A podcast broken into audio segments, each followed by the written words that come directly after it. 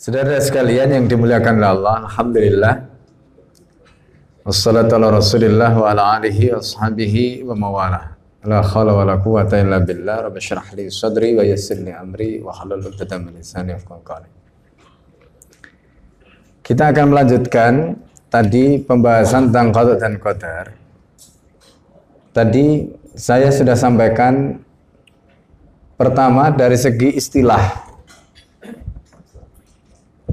bagaimana istilah qada dan qadar itu menjadi istilah yang tidak digunakan di dalam nas. Istilah qada dan qadar itu muncul dari pembahasan para filsuf Yunani yang diadopsi oleh mutakallim. Ini yang harus kita pahami. Nah karena itu ada dua istilah tadi saya sudah sebut. Yang pertama adalah al-qada wal qadar. Satu. Jadi qada wal qadar sebagai uh, tarkib atfi ya, atof ya. Kemudian yang kedua adalah al-qadar. Kata qadar itu sendiri. Di mana al-qadar di dalam konteks qada dan qadar itu berbeda dengan al-qadar dalam konteks yang kedua ini. Berbeda. Nah, karena istilah dan mafhum dari qada dan qadar itu tidak dijelaskan di dalam nas. Karena ini adalah merupakan pembahasan yang dibahas oleh para filsuf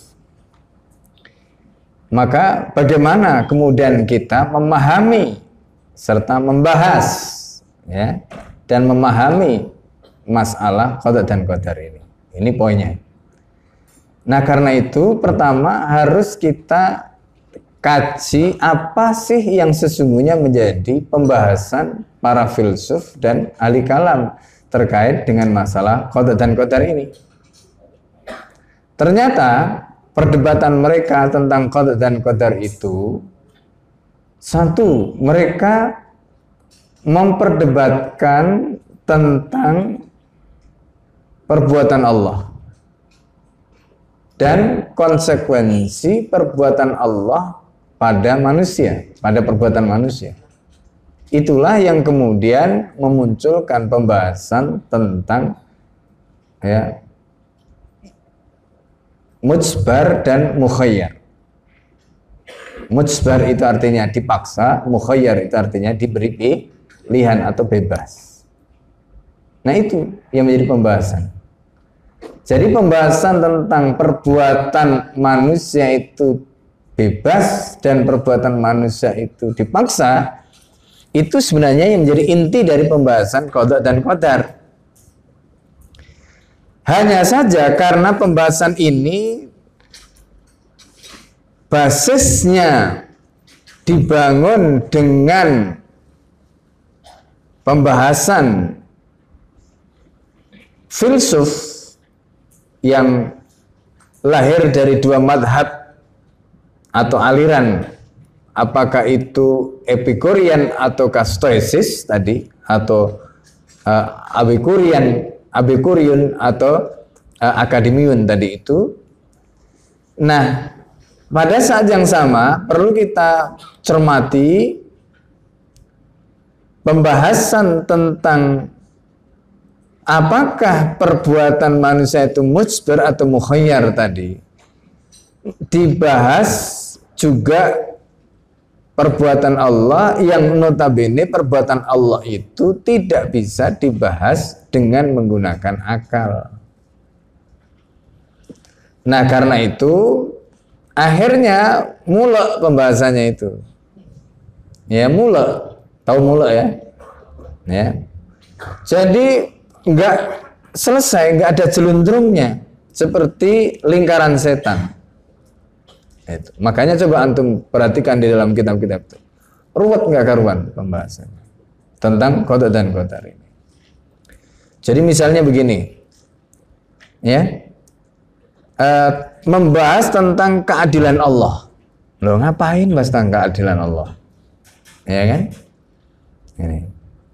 Nah, jadi pembahasan-pembahasan tentang keadilan Allah ya terkait dengan orang kafir atau orang mukmin dan sebagainya tadi itu dampak saja dari pembahasan tentang qada dan qadar yang ruwet tadi itu.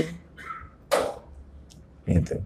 Kenapa bisa seperti itu? Satu, pangkalnya itu karena batasan akal di kalangan filsuf Yunani maupun ahli kalam itu sama-sama tidak jelas atau belum ditemukan. Anda perlu bukti, ini bukan klaimnya Setaki, kita sudah melakukan riset. Ya, Anda bisa buka kitab Al-Mubayyan yang ditulis oleh Saifuddin Al-Amidi. Ya, di situ ada pembahasan tentang akal menurut para filsuf dan ahli kalam. Jadi tidak ada satupun dari pembahasan tentang akal itu yang betul-betul deskriptif, jelas, dan bisa dijadikan sebagai patokan. Ya, kalau definisi itu kan cirinya menurut Imam Al-Ghazali di dalam kitab Al-Mustasfa itu harus ala wajhin yajma wa yamna. Bahasa ringkasnya jami' dan ma mane. Nah itu. Jami' itu artinya menyeluruh, mane itu artinya bisa mengeliminir hal-hal yang tidak menjadi bagian dari yang didefinisikan tadi. Nyatanya sampai hari ini atau sampai setaki menulis kitab baik itu uh, tentang nidom Islam, kemudian saksia yang pertama, ya, sampai kitab tafkir yang beliau sebutkan di situ, ulama-ulama dahulu baik kaum muslimin maupun non muslim belum berhasil merumuskan definisi tentang akal itu faktual bukan klaim. Ya, ini faktual bukan klaim. Nah, ini. Jadi kalau ada orang yang nggak terima, wah ini sombong sekali saya tak ini, ya kan? Maka anda bisa saya beri rekomendasi tunjukkan kitab Al Mubayyan karyanya Saifuddin Al Amidi. Ya Imam Al Amidi yang nulis nulis kitab Al Ihkam fi Usulil Ahkam. Nah itu. Bandingkan ya kumpulan definisi-definisi tentang akal di situ dengan definisi setaki tentang akal. Ya, Termasuk coba bandingkan definisi akal yang ditulis oleh Al-Ghazali di dalam kitab Al-Mustasfa fil Usul dengan apa yang ditulis oleh Setaki. Jadi Al-Ghazali menggambarkan akal itu adalah mir'at. Al-aklu kal mir'at. Akal itu seperti cermin. Ya. Nah, saya tidak tahu apakah Kalmak membaca kitab Al-Mustasfa apa tidak. Ya, karena Kalmak kemudian menyimpulkan akal itu adalah refleksi. Refleksi itu kan cermin kan? ya kan? Refleksi fakta ke dalam otak, otak ke dalam fakta kan begitu? Kalmak itu. Nah itu persis atau hampir mirip bahasa lainnya seperti definisi Al Ghazali di dalam Al Mustasfa tadi. Al aklu kal mirat, akal itu seperti cermin. Cermin itu apa? Merefleksi, mantul, ya kan? Nah Kesimpulan Al-Ghazali maupun kesimpulan Kalmak ini dikritik oleh Setaki juga di dalam kitab Tafkir ketika membahas tentang akal. Yang terjadi pada otak itu bukan refleksi, Bung. Ya. Yang terjadi pada otak itu adalah refraksi. Kalau dalam bahasa Arabnya itu ada istilah inekas. Inekas itu adalah refleksi. Inekas itu mantul. Kalau refraksi itu itu kalau Anda belajar teori fisika, ya. Ada yang belajar fisika? Ya. Ustadz ini jurusan apa sih sebenarnya?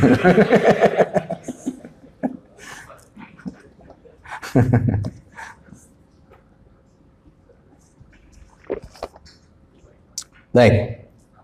Jadi Anda bisa bandingkan kaca cermin dengan kaca apa namanya? kaca cermin dengan kaca polos. Bisa bandingkan?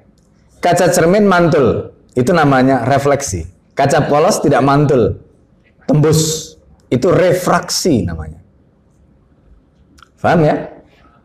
Akal itu kata Setaki, ya akal dalam konteks ini itu tidak mengalami atau tidak melakukan apa yang disebut dengan refleksi. Nah, kalau menyimpulkan ini refleksi, Imam Al-Ghazali menyimpulkan refleksi karena memang faktanya orang itu setelah mikir itu kan mantul kesimpulannya itu. Ya kan? Keluar kesimpulannya. Nah, itu kata mereka ini mantul ini refleksi atau kalmirat tadi. Nah, saya tadi menjelaskan faktanya otak manusia itu tidak bisa melakukan seperti cermin tadi. Jadi yang ditangkap oleh indera manusia seperti mata, telinga, atau perabaan itu adalah memori. Ya, fakta itu ditangkap misalnya hidung menangkap aroma, mata menangkap objek dalam bentuk gambar, telinga menangkap dalam bentuk suara atau gelombang. Itu ditangkap. Dimasukkan ke mana? Dimasukkan ke dalam oh, otak. Otak, pertanyaannya ketika mengeluarkan kesimpulan, apakah itu memantulkan? Tidak. Nah, kenapa? Karena apa yang ditangkap oleh indera tadi itu diserap oleh otak, disimpan oleh otak. Nah, kalau mantul kan langsung, nggak ada yang disimpan. Ini tidak. Nah, jadi saya tadi menjelaskan itu bukan refleksi tapi refraksi. Dalam bahasa Arabnya disebut dengan ingkisar, bukan inikas. Ya, ingkisar. Ingkisar itu refraksi. Inikas itu refleksi.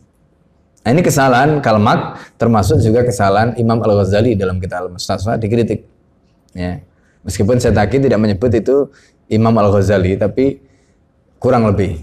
Ya. Nah, itu kesimpulannya. Nah, ini adalah bukti padahal Imam Al-Ghazali dalam sejarah mutakalamin itu termasuk nafid ilmil kalam. Ulama yang menjadikan ilmu kalam itu menjadi landing. Landing, nafid. Ya. Jadi karena pengaruhnya ya dan sebagainya ini membuat ilmu kalam itu ya akhirnya punya pijakan yang kuat karena tokoh-tokohnya tadi itu. Jelas ya? Nah ini awalnya itu karena basis pembahasan tentang akal tadi itu tidak jelas. Ya, maka kemudian ketika pembahasan tentang akal ini nggak jelas, akhirnya ke mana-mana kan objek yang seharusnya tidak bisa dibahas oleh akal dibahas. Nah contohnya tadi pembahasan tentang pembahasan kodok dan kodar yang di situ membahas tentang masalah mujbar dan mukhayyar. Kalau mujbar dan mukhayyar itu pada konteks perbuatan manusia, it's okay. Ya, tapi ketika bicara tentang mujbar dan mukhayyar sudah apa namanya membahas tentang afalnya Allah, bagaimana caranya? Kita membuktikan. Nah, jadi maka Setaki di sini kemudian membuat pemilahan, oke, okay, karena ini tidak dibahas di dalam Al-Quran, tidak dibahas dalam Nas, tapi ini adalah membahas fakta, maka fakta ini harus kita bahas dengan menggunakan dalil apa? Akli. Gitu. Dalil akli. Ini. Maka kemudian pembahasan kota dan kota dibahas dengan menggunakan dalil akli. Nah, kalau ini membahas kalau ini harus dibahas dengan menggunakan dalil akli, lalu bagaimana caranya menempatkan pembahasan kodar dan kodar tadi? Maka harus diletakkan pada objek yang bisa diindra. Apa objek yang bisa diindra itu? Perbuatan manusia atau perbuatan Allah? Perbuatan manusia. Jadi perbuatan manusia yang harus dibahas, perbuatannya Allah nggak usah dibahas. Nah itu caranya. Maka dipilah dulu ini, ini nggak boleh dibahas, ini dibahas. Nah sampai di situ. Oke. Nah Lalu bagaimana setelah kita menemukan ini perbuatan manusia menjadi objek? Oke, sekarang perbuatan manusia menjadi objek kita bagi lagi. Ada tidak perbuatan manusia yang dipaksa dan perbuatan manusia yang tidak dipaksa? Ada. Maka kemudian beliau bagi menjadi dua. Dairah, dairah ini ada dua lingkaran. Iya kan? Ada lingkaran dairah tiru alal insan, daerah yang menguasai manusia. Dan yang kedua adalah dairah yusaitiru alaihal insan daerah atau lingkaran yang dikuasai oleh manusia. Jelas? Nah, yang pertama yang daerah yang menguasai manusia tadi di mana manusia tidak bisa memilih, manusia dipaksa. Baik itu perbuatan yang menimpa dirinya atau perbuatan dari dirinya yang tidak dia bisa kuasai. Dua itu. Ya minhu au alaihi. Kan begitu dalam bahasa Arabnya. Minhu itu berarti dari dirinya. Au alaihi itu menimpa dirinya. Nah, itu, dua-duanya. Kalau sifatnya itu mujbar berarti itu di luar kuasa dia di luar kontrol dia. Nah inilah wilayah yang kemudian disebut dengan qadha. Ya kan? Qadha. Dari mana kita tahu bahwa ini adalah qadha? Karena dia tidak bisa memilih. Karena dia dipaksa baik itu yang menimpa dirinya maupun yang yang menimpa orang lain dari dia tadi. Dan dari situ kemudian dipilah lagi faktanya perbuatan seperti ini itu ada dua. Ada yang masuk nidamul wujud. Kenapa disebut nidamul wujud? Karena semuanya sama. Kalau jatuh dari atas mesti ke bawah ya. Nah misalnya itu nidamul wujud.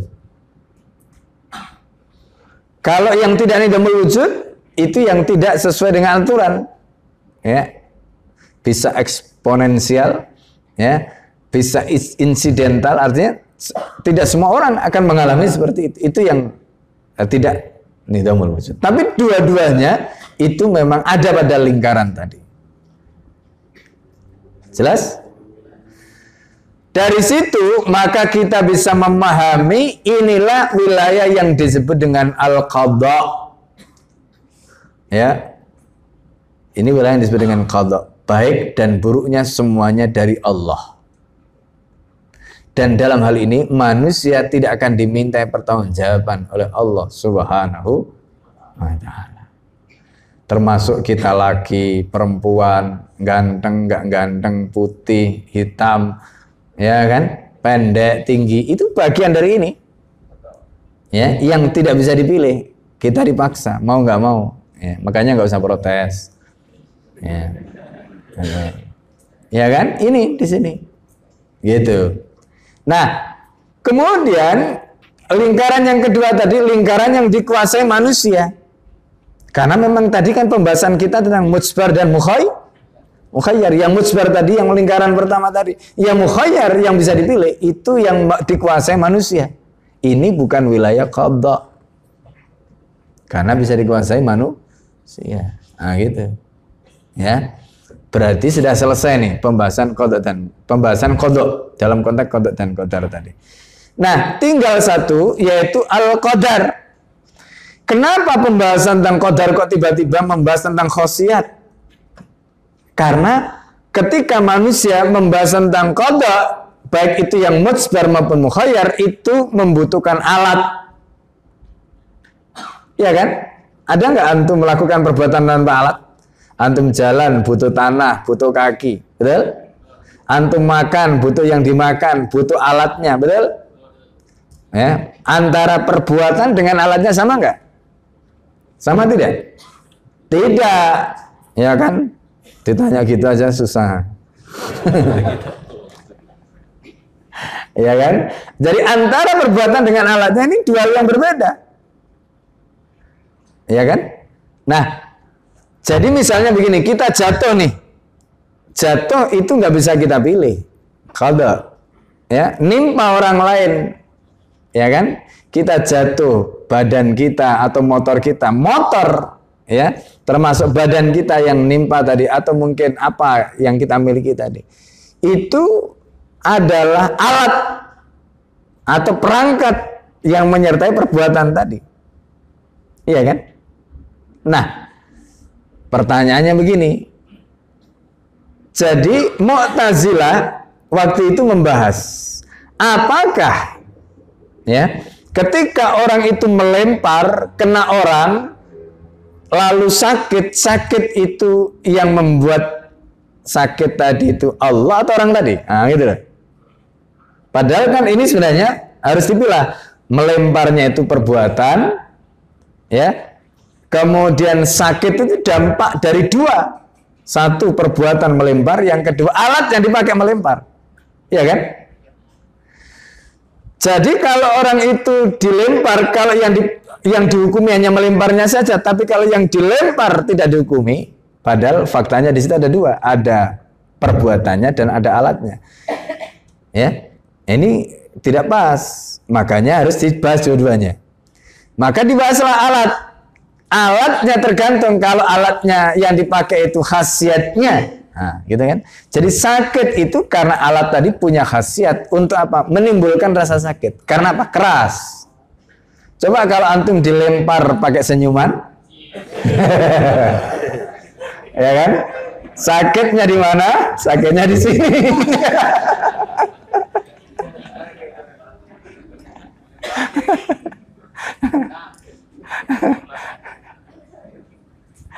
Jadi makanya antara perbuatan Ya, perbuatan melempar dengan alat itu harus kita pisahkan. Jadi perbuatannya sendiri ya, kemudian alat yang dipakai. Jadi kalau alat yang dipakai tadi itu bukan alat yang keras, maka orang yang dilempar itu tidak akan kesakitan. Misalnya kita lempar pakai bantal yang empuk, misalnya itu. Sakit tidak? Tidak. Ya. Nah, jadi maka di sini nah Mu'tazilah itu menggabungkan antara dua hal tadi, perbuatan dengan alat tadi itu digabung jadi satu, itu yang menimbulkan keruwetan. Nah, maka kemudian mereka membahas sakit tadi itu sebagai tawalud istilah mereka. Ya, sakit itu tawalud. Tawalud itu apa? Tawalud itu dampak. Artinya sesuatu yang dilahirkan, sesuatu yang diakibatkan. Maka sakit tadi itu dikatakan sebagai tawaludul af'al istilahnya. Ini bahasa mereka Mu'tazilah. Nah, Senaki tahu fakta itu. Maka kemudian beliau tidak menggunakan istilah tawaludul af'al. Kalau nanti menggunakan istilah tawaludul af'al dianggap sama dengan Mu'tazilah. Orang yang membaca juga membayangkan seperti Mu'tazilah. Nah, karena itu beliau jelaskan jadi ada dua hal, satu perbuatannya, satu adalah bendanya.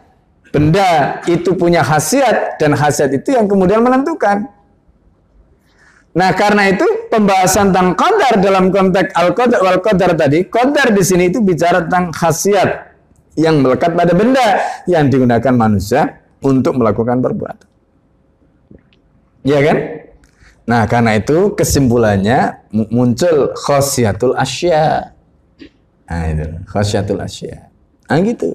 Ini qadar dalam konteks pembahasan qadar dalam kodok dan qadar tadi. Faham ya? Nah dari situ kemudian akhirnya dirumuskan. Misalnya contoh, orang membakar. Membakarnya itu bisa dipilih. Ya kan? Lalu api yang punya khasiat membakar itu bisa dipilih tidak? Tidak, karena memang api itu khasiatnya membakar. Air khasiatnya ya membasahi itu khasiat, itu Allah yang memberi. Gitu. Nah, bahwa kemudian di situ ketika membakar atau ketika terbakar tadi, ya, misalnya ini gedung terbakar, terbakar bukan karena dibakar, tapi karena mungkin ada konsleting. Berarti ini bicara soal kodok, ya, satu, karena ada perbuatan yang menimpa kita. Yang kedua, bicara tentang kodar, tentang khasiat membakarnya tadi. Nah, dalam konteks seperti itu, khairihima wa syarihima minal Allah. Baiknya menurut persepsi kita atau buruknya menurut persepsi kita itu semuanya dari Allah. Itulah pembahasan tentang qada dan qadar. Jelas? Nah, itu dari situ awalnya. Jadi kenapa muncul dairah dua lingkaran tadi? Kenapa muncul pembahasan khosnya tadi itu dari situ. Paham ya? Duduk perkaranya ya. Jadi tidak ujuk-ujuk moro-moro bahas langsung kita kita membahas tentang qadar dan qadar, maka kita harus membahas dua lingkaran. Ya. eh lingkaran. Tiba-tiba tiba-tiba membahas lingkaran ini apa hubungannya gitu. Nah, jadi bagaimana nyambungkan dengan perdebatan alusunnah macam-macam tadi? Enggak nyambung. Ya kan? Nah ini. Gitu. Nah, jadi makanya saya tak ini memberikan solusi. Solusinya tadi turut-turutannya itu. Ya. Ini. Nah, Kemudian setelah selesai pembahasan kode dan kodar, pembahasan kodar berikutnya itu lebih spesifik masalahnya terkait dengan ilmunya Allah. Nah inilah yang dibahas. Kenapa pembahasan kodar yang kedua ini tentang ilmunya Allah? Karena itulah yang dimaksud dalam hadis Bukhari. Antuk minabillahi wa malaikatihi wa kutubi wa rusuli wa bil yamil akhiri wa bil qadri Ya kan? Wabil qadari khairihi wa syarihi min Allah. Wabil qadari khairihi wa syarihi min Allah itu apa? Wabi ilmillah. Tentang ilmunya Allah. Ya. Apa maksudnya? Apa yang telah, sedang, dan akan ya menimpa kita baik dan buruknya itu semuanya ya Allah sudah ketahui. Nah, gitu. Itu semuanya Allah sudah ketahui. Allah Maha tahu. Nah, itu fi'ilmillah. Itu maksudnya. Ya. Ini. Jadi pembahasan tentang al-qadar dalam konteks hadis wabil qadari khairi wa syarrihi min Allah itu berbeda dengan konteks al-qada wal qadar. Beda. Paham? Nah ini jadi begitu. Baru kemudian kalau antum sudah paham itu, ah, apa yang menjadi pembahasan di kalangan alusunnah, di kalangan mu'tazilah, jabariyah tadi itu, itu sebenarnya adalah apa yang menjadi uh, istilahnya uh, perdebatan di kalangan mereka, wacana atau diskursus di kalangan mereka. Nah kesimpulan pembahasan setaki itu adalah merupakan merupakan rumusan baru yang beliau rumuskan dan keluar dari pembahasan yang dibahas oleh ahli kalam tadi baik itu Ash'ari ya maupun Maturidi maupun Mu'tazili tadi. Maka kemudian kalau ada yang bertanya, pendapatnya Setaki ini ada nggak ulama-ulama sebelumnya yang mengatakan seperti itu? Ya tentu tidak ada. Apalagi kalau merujuk pembahasan ilmu kalam karena mereka sudah mengalami dikutumi-dikutumi tadi. Tetapi bahwa ini adalah rumusan yang berhasil mendudukkan. Jadi rumusan setagi itu berhasil mendudukkan pembahasan-pembahasan ulama sebelumnya tadi sehingga umat hari ini meyakini kodar dan kodar dengan keyakinan yang bulat dengan keyakinan yang kuat berbeda dengan apa yang ditempuh oleh ahli kalam di masa lalu. Mereka meyakini kodar dan kodar tapi dengan cara yang goyah. Paham? Jadi Anda jangan mau dikatakan loh berarti Anda menolak kata yang oh, kata siapa? Justru kita itu meyakini kodok dan kodar tapi dalam bentuk yang lebih kokoh. Nah, gitu loh. Kokoh. Makanya muncullah pejuang-pejuang yang hebat karena kokohnya pemahaman kodok dan kodar tadi. Nggak gampang stres. Loh iya, itu dampak iman pada kodok dan kodar. Iya. Jadi dampak dari iman pada qadar dan qadar itu membuat Anda menjadi memiliki daya tahan yang luar biasa. Itu dampaknya. Ya. Oh iya betul. Enggak gampang stres ya. Karena stres itu itu terjadi karena iman orang tadi kepada qadar dan qadar itu yang tidak kokoh. Nah, ini. Ya. Coba aja Ya, kalau ada sebab yang stres berarti ada masalah dengan kota dan kotornya. oh iya benar. Itu kunci, itu kunci. Ya. Itu. Ya, itu kunci. Nah, tapi kalau di luar sabab banyak, ya. Bahkan ada yang stres bahas kota dan kotor sendiri stres. Harusnya kan mengimani kota dan kotor justru menjadi obat supaya kita tidak stres. Ini malah mami kota dan kotor stres. Karena saking bingungnya tadi. Ya kan? Karena banyak gila wakola gila pusing dia. Ya kan? Ini ngomong begini, ini ngomong begini. Dan kelihatannya sama-sama benernya. Contoh tadi pembahasan tentang sifat mausuf tadi kan kelihatannya sama-sama benernya. Kalau kita nggak punya kerangka, nggak punya pijakan, pasti kita kena. Ya, gitu. Nah, tapi karena kita punya kerangka, kita punya pijakan, jadi kokoh. Gitu. Ya, ini itu pembahasan tentang kota dan kota. Ya, jelas ya?